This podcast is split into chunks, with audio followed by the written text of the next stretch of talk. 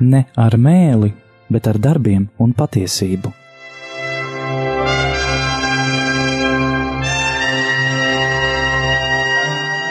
Atvērsim svētos rakstus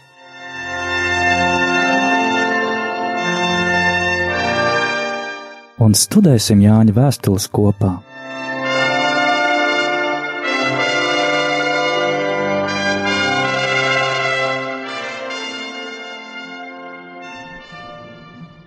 Lai slavēts Jēzus Kristus, studijā Stela un Anģela. kā turpināsim lasīt Jāņa pirmo vēstuli.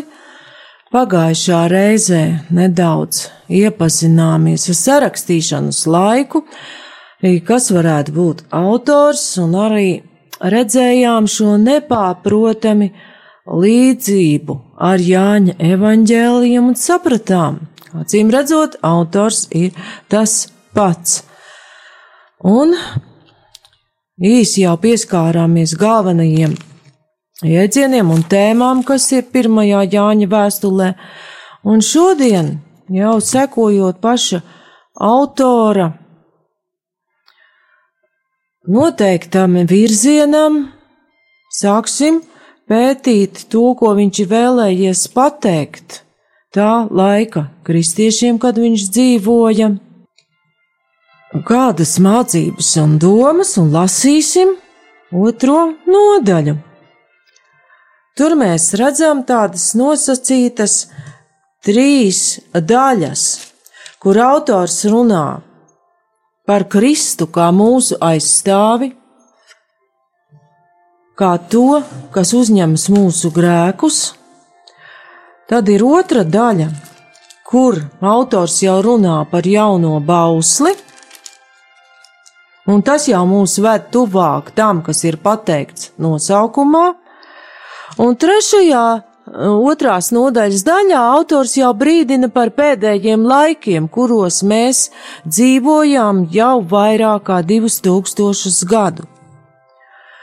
Un, iesākot otro nodaļu, šo pirmo, no pirmā panta, mēs jau redzam, ka autors turpina to, ko sācis jau runāt pirmajā nodaļā par šo dzīvošanu grēkā un atgriešanos no grēka. Un jau otrās pā, nodaļas pirmajā pantā mēs redzam uzrunu bērniņi, tā tad viņš runā kā ar tādiem tikko ticībā ienākušiem cilvēkiem, un ka viņš raksta, lai jūs negrēkotu. Un tālāk jau no autora teiktā mēs redzam, ka viņš ļoti labi ir izpratis cilvēka dabu, kāda tā ir jau kopš grēkā krišanas, ka cilvēks nevar nodzīvot pat nevienu dienu, ne stundu, lai nebūtu grēkojis, un te varētu būt tas jautājums, es atnācu pat līdz radio vai aizgāju līdz darbam un nevienu reizi nekam sliktu nepateicu, neiesitu nevienam, ne dzīvniekam, ne cilvēkam, un vispār arī neko nenozāgu nagu, kā tad es varētu grēkot nepārtraukti, gandrīz, bet arī uh, misē kopējā grēknožēlas formula mums jau to pasaka, kā mēs pamanāmies to izdarīt ar domām, vārdiem, darbiem un arī ar nolaidību. Un autors jau uzreiz pasaka tālāk. Ko jādara? Ja kāds grīt grēkā, tad mums ir aizstāvis tēva priekšā Jēzus Kristus, kas ir taisns. Un tālāk mēs lasām otrajā pantā, viņš ir mūsu grēku izpircējs, ne tikai mūsu vien, bet visas pasaules grēkus.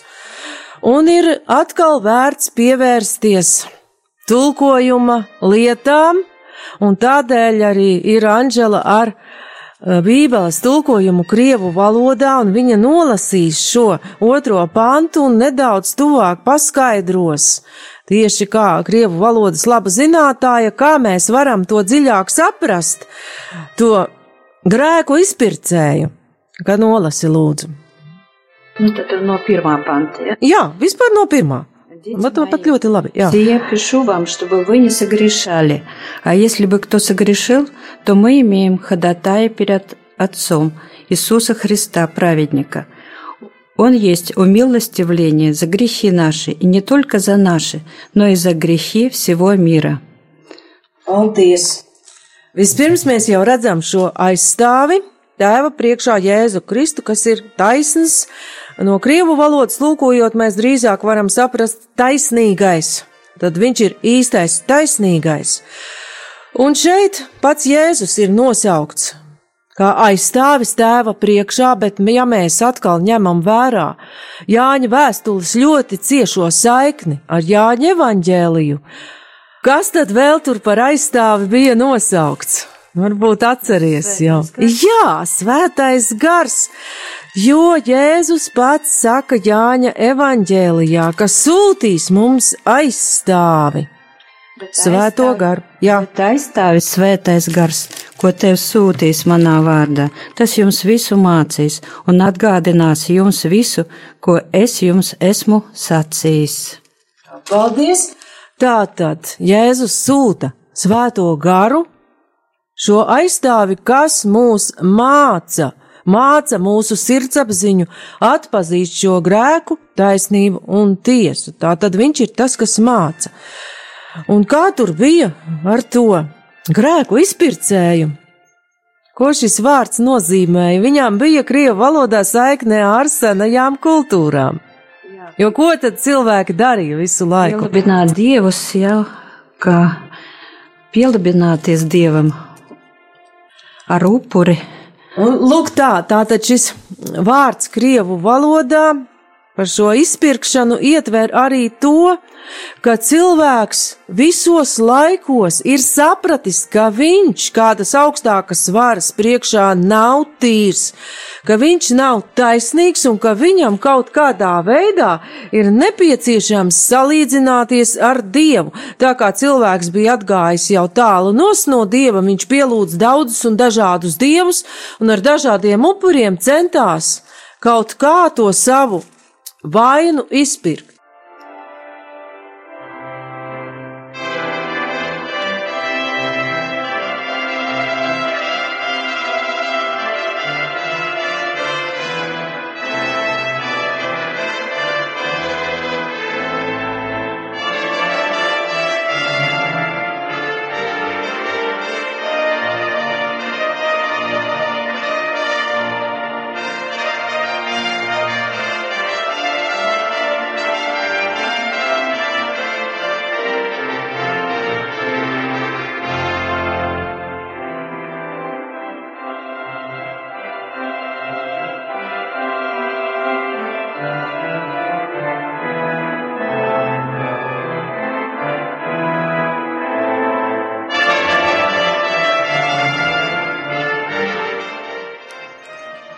Bet šeit jau ir runa par pašu kungu, kurš uzņemas pilnīgi visus grēkus, jo viņš ir no tēva nācis un tāpēc ir ienācis pasaulē un ir to spējīgs, jo pats ir šo pasauli radījis un atkal. Viņš ir mūsu grēku izpircējs, ne tikai mūsu vienu, bet visas pasaules grēku, mums atsauc atmiņā atkal kaut ko jau no Jāņa evaņģēlija un ko Tad atceramies pirmā nodaļā Jāņa evaņģēlijā šo ainu, ka Jānis Kristītājs redz Jēzu staigājam un saka, Jāņa evaņģēlijas pirmā nodaļa, 29. pants. Otrā dienā Jānis ierauga nākam Jēzu un saka: Redzi, Dieva jērs, kas nes pasaules grēku. Bet tālāk jau Jāņa vēstulē autors runā par to, kā tad mums dzīvot gaismā,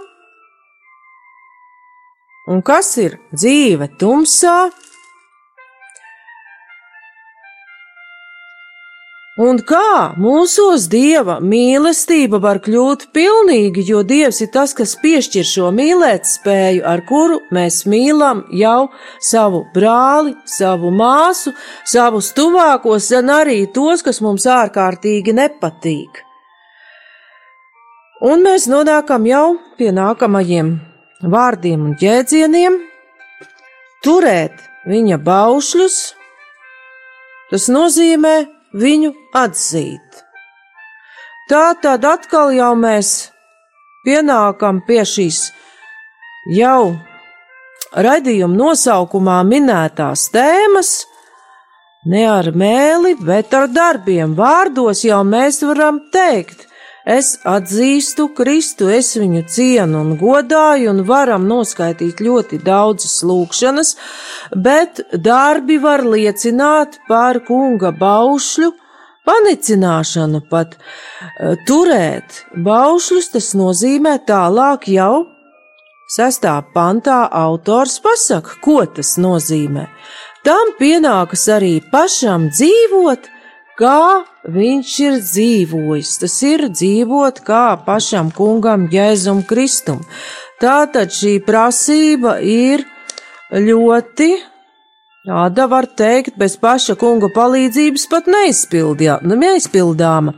Un kā mēs šo sesto pantu varam lasīt krieviski? Otrā nodaļa, sestais pants Jāņa vēstulē. Tur ir tāda arī spilgta nianse. Кто говорит, что пребывает в нем, тот должен поступать так, как он поступал. Jā. Un arī e, Jāņa pirmā vēstulē, trešajā pantā, mēs varam lasīt, katrs, kas paliek viņa negrēko, Katrs, kas grēko, nav viņu redzējis, nedz viņu atzinis. Tas ir dzīvot tā, kā viņš dzīvo, tā tad tu jau aizgāji uz priekšu jau uz trešo nodaļu. Jā. Un paliekam viņā, tur šis krievu vārds pat ļauj saprast tādas ļoti ciešas attiecības palikt viņā. Ja, kā tur bija tas vārds, man jau otrais, sastais. Кто говорит, что пребывает в нем, тот должен поступать так, как он поступал. Jā, prabivats в нем tas ir tāda savstarpēja iemājošana, ka šī e, persona attiecības ir tik tuvas, ka Kristus un cilvēks viņi dzīvo viens otram. Tas ir tāpat, kā ir attiecības starp Jēzu tēvu un svēto garu, tā tad iemājošanas attiecības ar visu svēto trīsvienību. To ir pateicis autors šajā sestajā pantā. Un līdz ar to ir iespējams dzīvot, kā viņš ir dzīvojis, un atkal pastupats, kā konpastupal, tas nozīmē drusciņ kaut ko citu, jo šis vārds dzīvot pilnībā neatklāja jēgu. Dzīvot, nu varam dzīvot vienkārši dažus gadus uz priekšu, minūti, sekundi, dzīvot labi, dzīvot slikti. Tas jēdziens ir tāds, varētu teikt, pat maz, ko atklāja no tā, ko Jānis mums ir gribējis pateikt, un ko nozīmē šie darbi, kas ir darīti iemājošanas attiecībā uz kungu. Pastu pēc kā kontests nozīmē rīkoties, kā viņš rīkojās, un kā mēs redzam, ko viņš darīja. Viņš gāja, mācīja, dziedināja, piecēla mirušos, palīdzēja cilvēkiem un Visbeidzot, viņš jau pats ne tikai deva jauno mīlestības bausli, bet īstenoja to savu zemes dzīves noslēgumā visā pilnībā, par ko Jāņa evaņģēlī 13. nodaļā mēs lasām, un viņš mīlēja sav, savējos līdz galam, un tur mēs nesaprotam tikai šos mācekļus, kas bija pie viņa, bet visus cilvēkus, kurus viņš grib darīt līdzīgus sev un tā ievest attiecībās gan ar sevi, gan ar garu, gan ar tēvu. Un 14. nodaļā Jāņa evaņģēlijā viņš atkārto jauno bausli, bet ļoti labi paskaidro, ko tas nozīmē, un arī jāatzīst, ka diezgan grūti. 13. ir, jā? Ir 13. un arī tālāk. Vispirms izlasīsim tad 13. Jā. Jaunu bausli es jums dodu, ka jūs citu citu mīlat, kā es jūs esmu mīlējis, lai arī jūs tāpat citu citu mīlētu, tāpat citu citu mīlētu. No tām visi pazīs, ka jūs esat mani mācekļi, ja jums būs mīlestība savā starpā. Tā ir 13. nodaļa 34. Jā, jā, 35. pants. Un vēl nedaudz tālāk viņš runā arī par to, ko īsti šī mīlestība nozīmē. Cik tālu tā pat iet? Ka tā nozīmē atdot dzīvību par saviem draugiem. Un mēs saprotam, ka tas ir tāds ļoti grūts noteikums, varētu būt. Un atkal ir jādomā, kā īsti ir iespējams to darīt. 15. nodaļa, 12. līdz 13. pants, tā kā es nedaudz kļūdījos par nodaļu, tas ir mans bauslis, lai jūs citu, citu mīlat, kā es jūs esmu mīlējis. Nevienam nav lielākas mīlestības kā šī, ja kāds savu dzīvību nodod par draugiem, un tur atkal mēs varam pievērst uzmanību krievu tulkojumam, kā tas skan krieviski. Jāņa evaņģēlīs 15. nodaļa un 13. pants. Un šeit runāts tā, нет больше той любви, как если бы кто положит душу свою за друзей своих. Вы, друзья мои, если исполняете то, что я заповедую вам. Я уже не называю вас рабами, ибо раб не знает, что делает господин его, но я назвал вас друзьями, потому что сказал вам все, что слышал от отца моего». Paldies! Un te ir tas jēdziens dušu uzsvajūt. Tur nav vienkārši žiņa atdaķis vai kaut kā kas varētu attiekties tikai uz fizisko dzīvības atdošanu pa draugu. Tur ir pateikts kaut kas daudz lielāks. Tas ir gan atdotais laiks, gan līdzjūtība, arī var ietvert šo fizisko dzīvības atdošanu, kā to darījis svētais Maksimiliāns Kolbe un varbūt arī daudzi citi, kuru vārdus mēs pat nezinām. Tas nozīmē šo iejošu, iejušanos, ieiešanu sava līdzcilvēka problēmā, viņa sāpē, un pat ja mēs viņam nevaram iedot padomu, nevaram palīdzēt uzreiz, jo mēs neesam Dievs, mēs varam būt kopā ar viņu.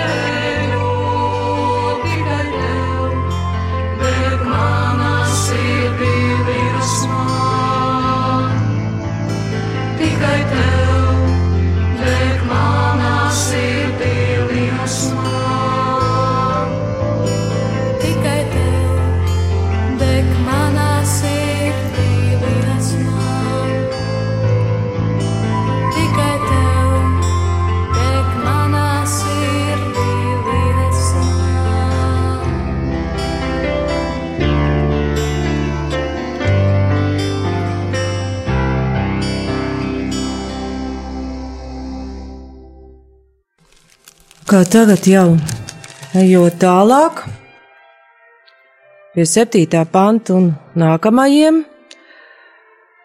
autors mazliet izvērstā kaut ko paskaidro par šo mīlestības bausli un saka, ka ne jaunu bausli es jums rakstu, bet vecu bausli, kas bija no sākuma.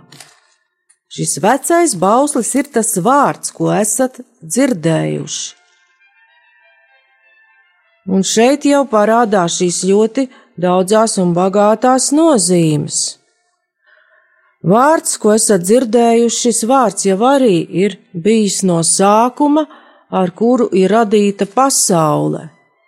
Un jau ar radīšanu Dievs ir izteicis šo savu mīlestības vārdu, un pat visā cilvēces vēsturē radīšanu cilvēki nepārtraukt atkārto, dažādas lietas darot, radot mākslas darbus, rakstot mūziku, zīmējot gleznes, ceļot baznīcas, un var pateikt to, ka bez mīlestības nav radies neviens labs mākslas darbs, tātad pat tam šai radītāja darbības atkārtojumam pie cilvēkiem, jo cilvēkam ir šis uzdevums – pasauli kopt un sargāt, un to piepildīt un apdzīvot, un arī turpināt radītāju radīšanas darbu, ka šis radīšanas uzdevums jau nav īstenots, īstenojams bez šī vārda, šī mīlestības vārda, kas nāk no kunga. Un varētu domāt, ka vecais bauslis, kā Jāņa vēstules autors atsaucas tikai uz Jāņa evaņģēliju. Bet Par mīlestību pret savu brāli, pret savu tuvāko jau ir runāts vecajā derībā, un tur to mēs arī varam pat savilkt kopā no divām vietām, kā savienojas kunga pavēle pāri visam mīlēt viņu pašu, un kā ir pavēle mīlēt savu tuvāko kā sevi pašu. Mīlēt tuvāko kā sevi pašu, to mēs atrodam Tārā, Levītu grāmatā 19. nodaļas 18. pantā. Un te teikts, tev nebūs atriepties, nec nemitīgi dusmas turēt pret savas tautas bērniem, bet tev būs savu tuvāku mīlēt kā sevi pašu. Es esmu tas kungs. Alties!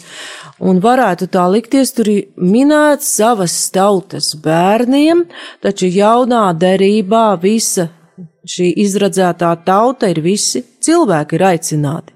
Tad mēs visi esam šī eh, tauta, uz kuras bērniem mēs nevaram dusmoties un, un griezt zobu. Bet ir vēl kāds kunga rīkojums, ja pavēle, ko mēs lasām atkārtotā likuma grāmatā, kuru izpildot, tā levītu grāmatas pavēle ir jau daudz izpildāmāka. Un tas ir šī pazīstamā šema. Tas kā izpildījumāk, bet sestā nodaļa. Jā. Ja?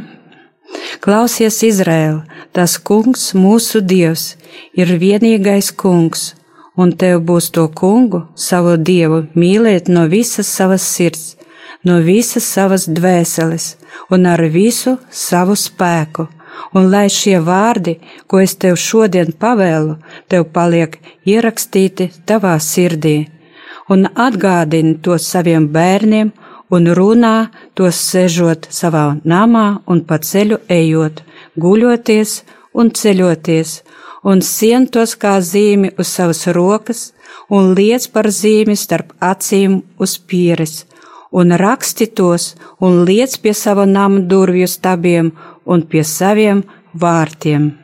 Paldies! Un jau šajā kunga pavēlē mēs redzam jau norādījumu uz jauno derību, lai tie tev ir sirdī, un pravietis Jeremijs jau 31. nodaļā, 31. pantā runās par jauno derību, kas ir ierakstīta sirdī. Un kopumā šis atkārtotā likuma grāmatas vārds norāda uz cilvēka pilnīgu piederību dievam, un ja cilvēks pieder dievam, un dieva likums ir viņa sirdī rakstīts, tad mēs daudz labāk jau varam saprast, kā mīlēt savu tuvāko, jo pats Dievs jau to tuvāko, kurš man tik ārkārtīgi nepatīk, pats Dievs jau viņu tomēr mīl. Un tad šis teikums ir saprotamāks un arī tur izteiktā prasība daudz vieglāk izpildāma. Šit, kam Jānis pirmajā vēstulē visu to ir rakstījis? Tur ir šīs dažas cilvēku grupas, kuras es iepriekš jau pieminēju. Tur ir bērniņi, bērni, jaunekļi un tēvi, un jaunekļi un tēvi pat atkārtoti divas reizes, kāpēc? Un par ko tas liek domāt? Nu, tur autors ir domājis, un arī šis teksts diezgan skaidri to pasaka par cilvēku dažādās viņa ticības attīstības pakāpēs. Otrajā nodaļā, 12. pantā, mēs lasām: Es rakstu jums, bērniņi, jo grēki jums ir viņa vārda dēļ piedoti. Sit cilvēks, kas tikko ir saņēmis grēku piedošanu, viņš tikko ir sācis savu dzīvi kopā ar Dievu, viņš ir saņēmis šo piedošanu. Un tālāk jau viņam ir jāiet uz tēva atzīšanu, uz savas ticības aizstāvēšanu, un jau uz tālāko, par ko mēs vēl nedaudz parunāsim. 14. pantā lasam: Es jums esmu rakstījis bērni, jo jūs esat tēvu atzinuši. Tas jau vairs nav tāds pavisam maziņš bērniņš, bet tas jau ir lielāks bērns, kas ir atzinis Dievu kā savu tēvu, pie kura rokas viņš iet. Un tad tālāk ir runāts vēl divas reizes par jaunekļiem, jo jūs esat stipri un Dieva vārds paliek jūsos, un jūs ļauno esat uzvarējuši. Tātad jaunekļiem viņu ticības dzīvē vairs neiet tik vienkārši, Viņiem ir jābūt stipriem un jāuzvar ļaunais. Tātad te varam saprast jau ticībā diezgan pieaugušu cilvēku, kuram ir šī cīņa ar to, ko piedāvā pasaule. Viņam ir jācīnās ar šo grēku sevī, ko pasaule veicina. Un tēvi jau ir ticībā pieauguši, jo jūs esat atzinuši viņu, kas ir no sākuma, Tātad cilvēkiem, kuri ir uzrunāti ar vārdu tēvi, ir šī izpratne par kungu, kā visa iesācēju un arī pabeidzēju. Un otrās daļas noslēgumā Jānis aicina nepieķerties pasaulē un to nemīlēt, jo tajā nav tēva mīlestības, un uzsver šos pasaulē esošos faktorus, kas aizved prom no tēva miesas kārība, acu kārība un dzīves lepnība. Te tā ļoti īsi autors norāda uz to, kas Pāvila mācībā ir izvērsts jau daudz vairāk kā gara dāvanu pretstats. Tu atradi tos? Nolasi lūdzu. Jo miesas cilvēki tiecās pēc miesas lietām, bet gara cilvēki pēc gara lietām. Miesas tieksme ved nāvē, bet gara tieksme uz dzīvību un mieru, jo miesas tieksme ir naidā ar Dievu, tā neklausa Dieva bauslībai, jo tā to nespēja. Miesas cilvēki nevar patikt Dievam, bet jūs neesat miesā, bet garā, tik tiešām, ka Dieva gars mīt jūsos, bet ja kādam nav Kristus gara, tas nepiedara viņam. Bet ja Kristus ir jūsos, tad miesa gan ir mirusi grēka dēļ, bet gars ir dzīvs, taisnības dēļ. Paldies!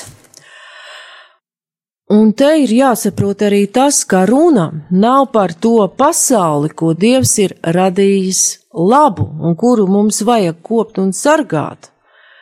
Te ir runa par to pasauli, kas pretojas Dievam, un tas jau tieši savienojas ar Jāņa vēstulē teikto par antikrista nākšanu. Viņš atkal uzrunā savus lasītājus kā mazus bērnus bērniņi. Ir pēdējā stunda, Kā jūs esat dzirdējuši, ka nāk antikrists, tā jau tagad daudzi antikristi ir cēlušies, no tā mēs saprotam, ka ir pēdējā stunda. Un arī pats Jēzus ir runājis par dažādām mācībām, viltus mācībām, Mateja evaņģēlijā, kur viņš saka, 24. nodaļā, 4. pantā, un Jēzus atbildēja tiem un sacīja: Pielūkojiet, ka neviens jūs nepieviļ, jo tad daudzi nāks manā vārdā un sacīs: Es esmu Kristus, un tie pievils daudzus bet jūs dzirdēsiet karus un karu daudzināšanu, esiet nomodā, nebīsties, jo tam jānotiek, bet tas vēl nav gals.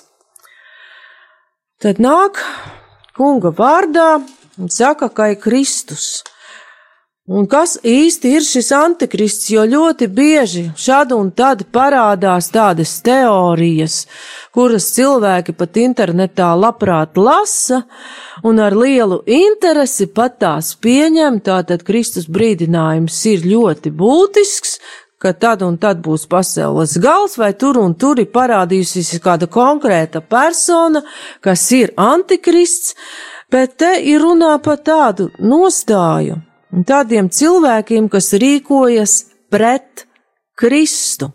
Viņi pat ar vārdiem var teikt, ka es atzīstu Kristu, bet viņu darbi ir pret Kristu, jo uz to norāda, ka viņiem pat sākotnēji var būt ļoti cieša saistība ar kristīgiem cilvēkiem. 2.19. no mums viņi ir izgājuši, bet viņi nav bijuši mūsējie, jo, ja tie būtu bijuši mūsējie, tie būtu pie mums palikuši, bet viņi nav pie mums palikuši, lai, kā, lai atklātos, ka viņi nav visi mūsēji. Un kā tad atšķirt, kas ir katrs un kas ir katra mācība 20. pantā. Jānis jau to pasaka, jums ir svaidījums no svētā, un jūs zināt visu. Un 27. pantā viņš atkārto: Arī jūs svaidījumu saņēmāt no viņa, un tas paliek jūsos, un jums nevajag, lai kāds jūs mācītu. Bet kā viņa svaidījums māca jums visas lietas, un ir patiesīgs, un nav meli, un kā viņš jūs ir mācījis, tā palieciet viņā. Mēs atkal redzam šeit Jāņa norādi uz svēto garu, kurš māca atpazīt, kas ir kristīgs un kas ir pret kristīgs. Un kā var no kristīgas vides atnākt kaut kas, kas ir pret Kristu, mēs jau to pat redzam, kā veidojas situācija mūsdienu sabiedrībā. Sākotnēji jau šī Eiropa bija kristīga un atzina Kristus mācību. Bet redzam, kas notiek šodien, ka ļoti daudzas lietas jau ieņem dieva vietu. Tā, tā tad rodas sabiedrība, kurā vairs nav vietas Kristum, nav vietas tuvāk mīlestībai, un nav vietas pat tādam dzīves principam, kā dzīvot, kā Kristus ir dzīvojis. Bet dziļāk jau šīs domas mēs aplūkosim nākamajā raidījumā. Studijā bija Stela un Anžela.